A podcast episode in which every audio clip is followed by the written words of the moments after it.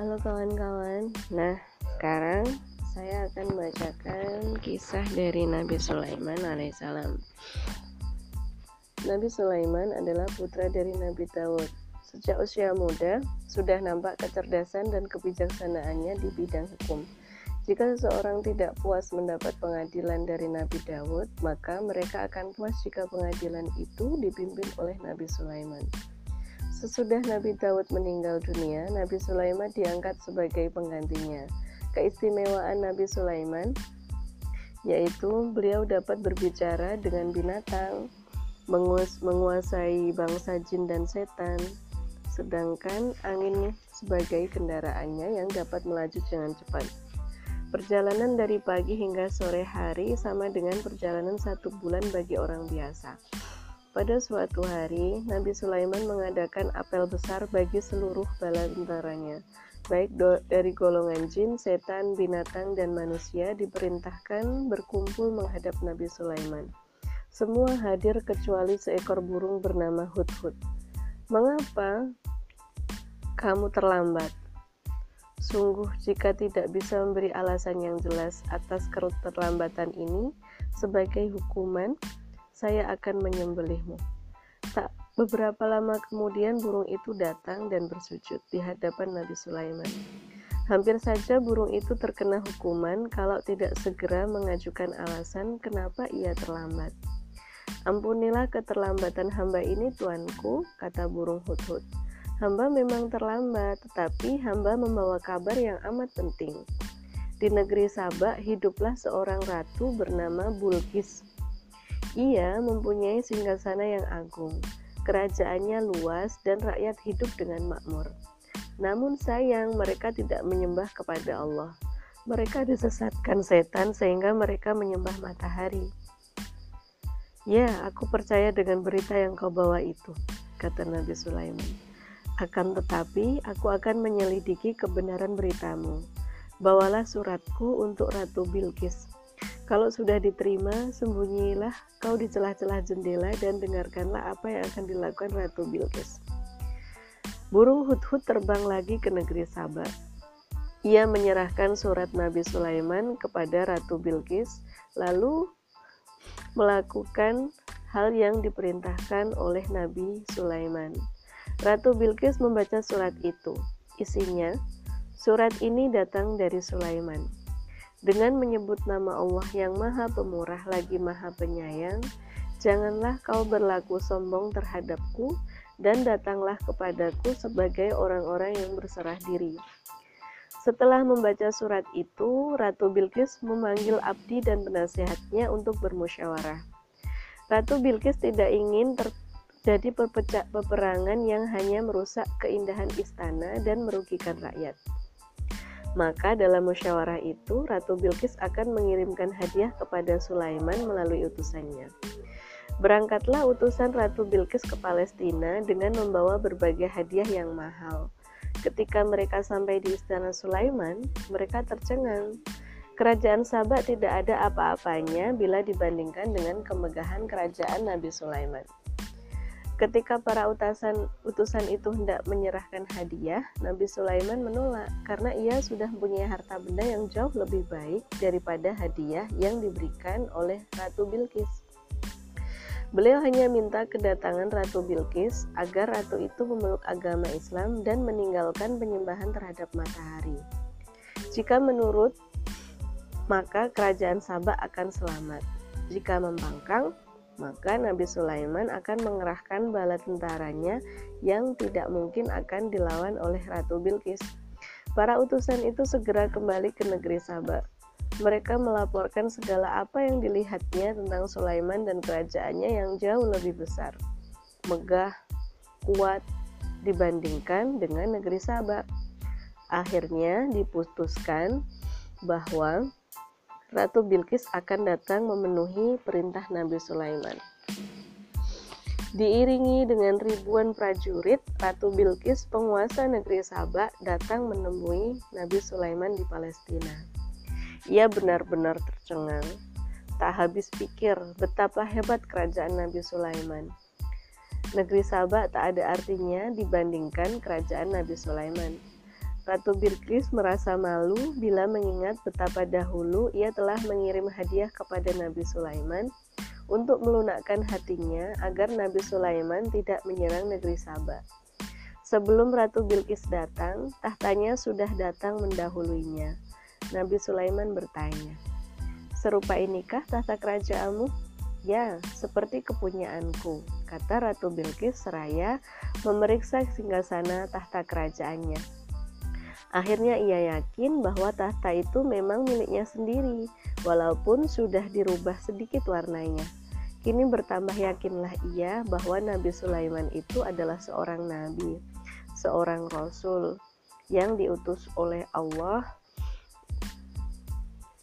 dan memiliki karunia kekuasaan luar biasa besar sehingga mampu memindahkan tahta kerajaannya dalam tempo singkat. Memang tahta itu milik Ratu Bilqis. Sulaiman telah dibantu anak buahnya bernama Ashif bin Barkia, yaitu seorang yang memiliki ilmu dan hikmah. Kemampuannya memindahkan tahta kerajaan Ratu Bilqis lebih cepat ketimbang kemampuan jin Ifrit yang menjanjikan tahta itu dipindah sebelum Nabi Sulaiman berdiri dari tempat duduknya. Ashif bin Balkia mampu memindahkan tahta itu hanya dalam waktu satu ketipan mata. Berkata Ratu Bilqis, Sesungguhnya saya telah mengetahui kekuasaan Allah dan kebenaran kenabianmu sebelum ini, yaitu tatkala datang burung hudhud membawa surat darimu. Sejak itu kami beriman. Yang menghalang-halangi kami untuk menyatakan keimanan kami adalah karena kami hidup di tengah-tengah kaum yang sudah mendalam kekufurannya. Itulah yang membuat kami menyembunyikan keimanan kami hingga saat ini. Nabi Sulaiman tersenyum lalu mempersilahkan Ratu Bilqis memasuki istananya. Lantai istana itu terbuat dari kaca tipis yang di bawahnya dialiri air. Ratu Bilqis mengira diajak masuk ke aliran sungai, maka ia menyingkapkan kainnya sehingga tampak betis kakinya. Nabi Sulaiman segera memberitahu bahwa lantai itu terbuat dari kaca putih yang tipis. Ratu Bilqis tersipu malu, serta merta ia bersujud dan menyatakan keimanannya kepada Allah. Ya Tuhanku, sesungguhnya aku telah berbuat zalim terhadap diriku dan aku berserah diri bersama Sulaiman kepada Allah. Tuhan semesta alam. Demikianlah Ratu Bilqis menikah dengan Nabi Sulaiman dan hidup berbahagia hingga akhir hayat. Hampir tak seorang pun yang mengetahui kematian Nabi Sulaiman, baik dari golongan jin maupun dari golongan manusia. Kematian Nabi Sulaiman baru diketahui setelah tongkat yang digunakannya rapuh dimakan rayap dan beliau jatuh tersungkur ke lantai. Doa Nabi Sulaiman dikabulkan Allah, yaitu tidak ada seorang pun yang memiliki kerajaan besar, kaya raya seperti kerajaan Nabi Sulaiman. Walaupun kaya raya dan berkuasa, Nabi Sulaiman tetap tunduk patuh atas perintah-perintah Allah. Nah, demikian kisah dari Nabi Sulaiman. Semoga kita dapat mengambil hikmah dan pelajaran di dalamnya. Sampai jumpa di kisah Nabi dan Rasul selanjutnya. Bocoran sedikit kisah yang akan saya baca pada episode selanjutnya yaitu kisah dari Nabi Ilyas alaihissalam. Nah, sampai jumpa.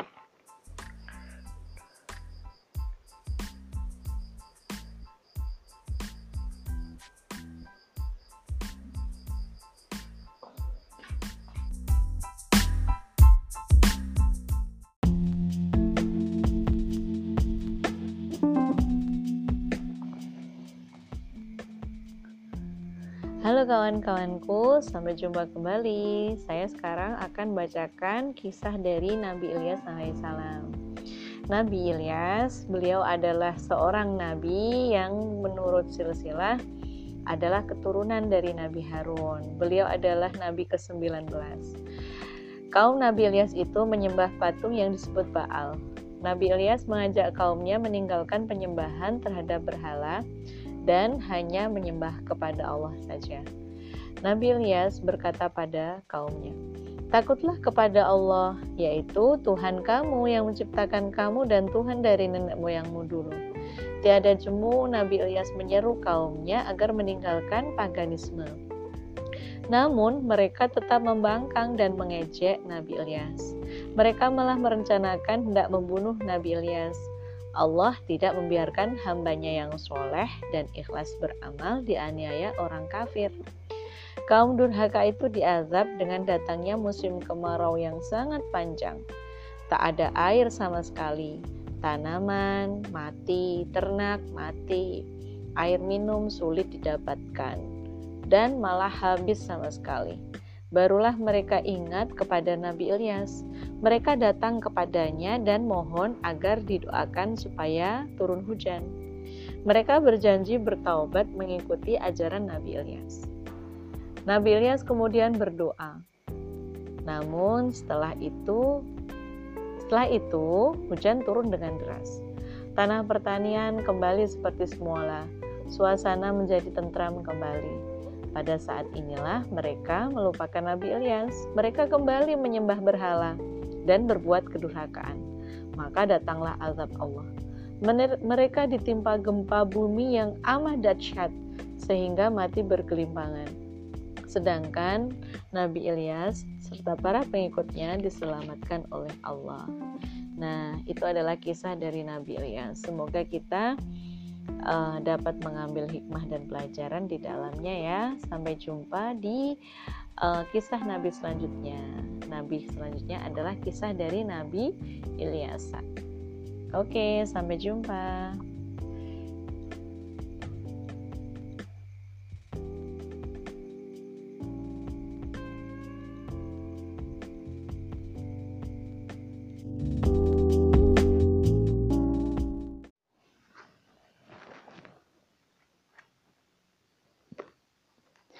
Kawan-kawanku, selamat malam. Assalamualaikum warahmatullahi wabarakatuh. Nah, ini uh, vlognya sedikit berbeda. Saya akan membacakan tiga ucapan ketika menghadiri acara Walimatul Khitan. Tahu ya, Walimatul Khitan apa? Yaitu acara sunatan.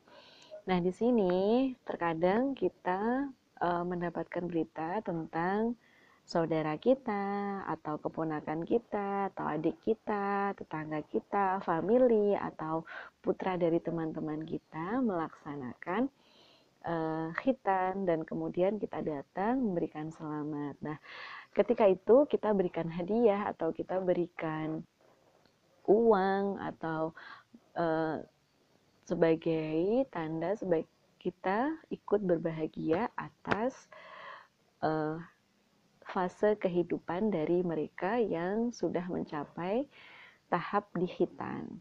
Nah, ini adalah tiga ucapannya. Semoga nanti bisa diterapkan ketika kita menghadiri walimatul khitan. Yang pertama, selamat ya, semoga cepat sembuh, jadi anak yang soleh, tercapai cita-cita, bahagia, dan berbakti pada kedua orang tua, gitu ya. Kemudian yang kedua, Alhamdulillah telah menjadi seorang balik ya.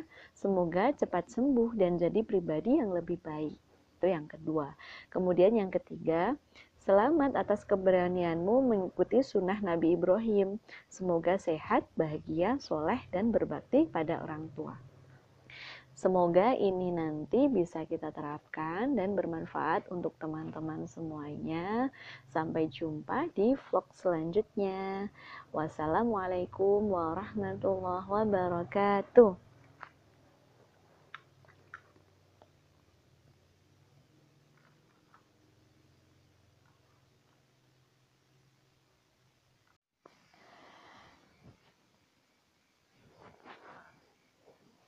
Halo kawan-kawan, selamat malam. Ketemu lagi dengan saya Wifkianu Harha dan saya akan bacakan kembali kisah dari Nabi dan Rasul.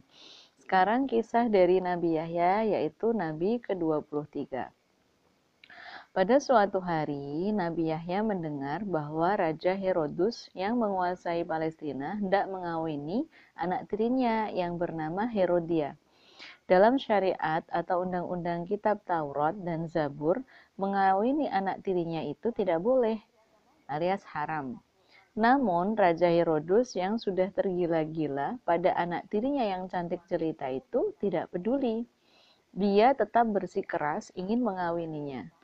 Herodia sendiri merasa kesenangan bila diperistri seorang raja. Ia seorang gadis yang haus kekuasaan dan harta benda. Tak seorang pun berani menentang kehendak raja itu. Namun Nabi Yahya, sang pembaptis, segera tampil menghadap raja dan menyatakan keberatan bahwa perkawinan raja itu melanggar aturan agama dan amat dikutuk oleh Allah. Seluruh istana pun gempar. Mereka setuju atas pendapat Yahya yang berasal dari kitab suci. Raja menjadi malu dan murka. Ia dan Herodia berusaha mencari jalan untuk membungkam mulut Yahya atau kalau perlu membunuhnya sekalian. Pada suatu hari Herodia datang menemui Yahya di rumahnya. Herodia berdandan sangat cantik. Ia mencoba merayu Yahya agar melakukan perbuatan mesum. Ia mengajak Yahya untuk berzina.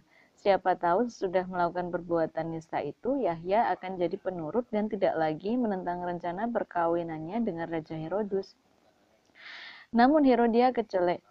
Ia telah bertelanjang bulat di hadapan Yahya, Pemuda itu tidak tergoda, bahkan merasa jijik sekali melihat Herodia yang bejat moralnya itu. Beliau mengusir Herodia dengan suaranya yang keras, seolah menggelegar di telinga Herodia. Herodia merasa malu dan merasa terhina, karenanya ia merasa dendam dan sangat benci pada Nabi Yahya. Herodia langsung menghadap Raja Herodus dan berkata bahwa Yahya telah menghinanya. Sesungguhnya Yahya tidak setuju atas perkawinannya dengan sang raja karena Yahya berpamrih ingin mengawini Herodia sendiri. Tadi Yahya berusaha memperkosanya. Tentu hasutan Herodia yang tajam itu membakar kemarahan Raja Herodus. Ia segera merintahkan bara tentaranya untuk memenggal kepala Yahya. Para tentara itu sebenarnya sangat keberatan, namun mereka diancam hukuman berat apabila tidak melaksanakan perintah raja.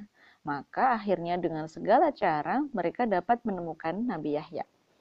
Nabi yang soleh dan tegas pendirian itu dibawa ke penjara dan dipenggal lehernya. Inna lillahi wa inna ilahi rojiun. Sesudah Yahya sang pembaptis tiada, perhatian orang-orang beriman beralih kepada Nabi Zakaria yang sudah tua. Mereka minta kepada Nabi Zakaria, Nabi tetap berpegang teguh pada ajaran Allah yang tersebut dalam kitab Taurat. Perkawinan antara ayah dan anak tiri tidak boleh atau haram. Herodus marah. Ia merintahkan prajuritnya untuk menangkap Nabi Zakaria. Namun rakyat melindungi Nabi yang sudah berusia lanjut itu. Pada suatu hari, Nabi Zakaria bersembunyi di sebuah hutan. Mendadak hutan itu dikepung oleh bala tentara Herodus yang dibantu tentara Romawi. Nabi Zakaria melihat sebuah pohon besar yang tengahnya membelah. Masuklah Nabi Zakaria ke dalam pohon itu. Mendadak pohon itu mengatup lagi. Dengan demikian, tentara Herodus tak menemukan Nabi Zakaria. Tetapi iblis menyerupakan diri sebagai manusia dan beritahukan tempat persembunyian Nabi Zakaria di dalam pohon.